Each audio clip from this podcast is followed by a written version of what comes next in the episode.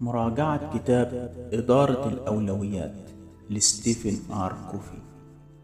جاء هذا الكتاب ليعالج مشكلة ضيق الوقت الذي يشكو منها الكثير من الأشخاص لكثرة أعمالهم.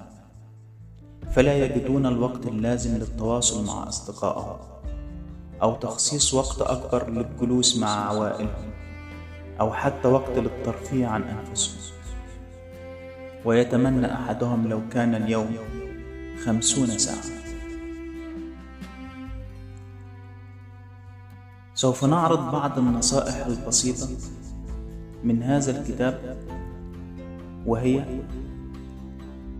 يقول الكاتب ستيفن أركوفي أولا يجب أن يتم التركيز على المهام الأهم وغير العاجلة مثل تنمية ذاتك إدارة علاقاتك التفكير في مستقبلك ففي هذه المهام سيمكنك بناء المستقبل بصورة أفضل وسيمكنك تطوير عقلك وشخصك بإذن الله.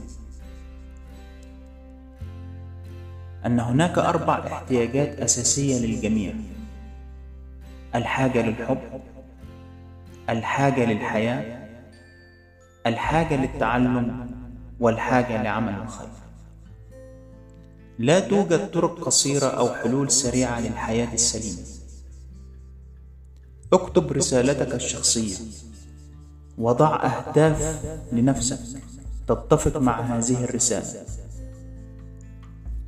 خطط أسبوعيا مقدما لأن التخطيط اليومي فقط يجعل أفقك ضيقا للغاية.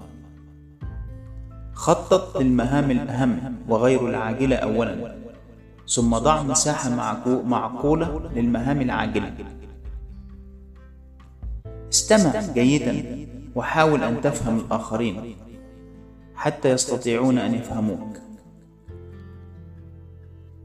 حتى عندما توجد الخلافات الجذرية من الغير تظل هناك مساحة ممكنة للتوافق على حل يتوافق عليه الأطراف جميعا. اترك الأمور الغير هامة وضع الأولويات للأهم أولا. اعلم إن إنك أنت المسؤول عن قراراتك بنسبة 100% والظروف تؤثر عليك ولكنها لا تتحكم فيك. كن مبادرا بالأفعال ولا ترضخ للغير طور نفسك على الدوام عبر الاطلاع على مصادر العلم النافعة. إذا أردت الخروج عن خطة العمل فلا تفعل. ولكن ضع خطة عمل جديدة. تراعي فيها المستجدات الجديدة.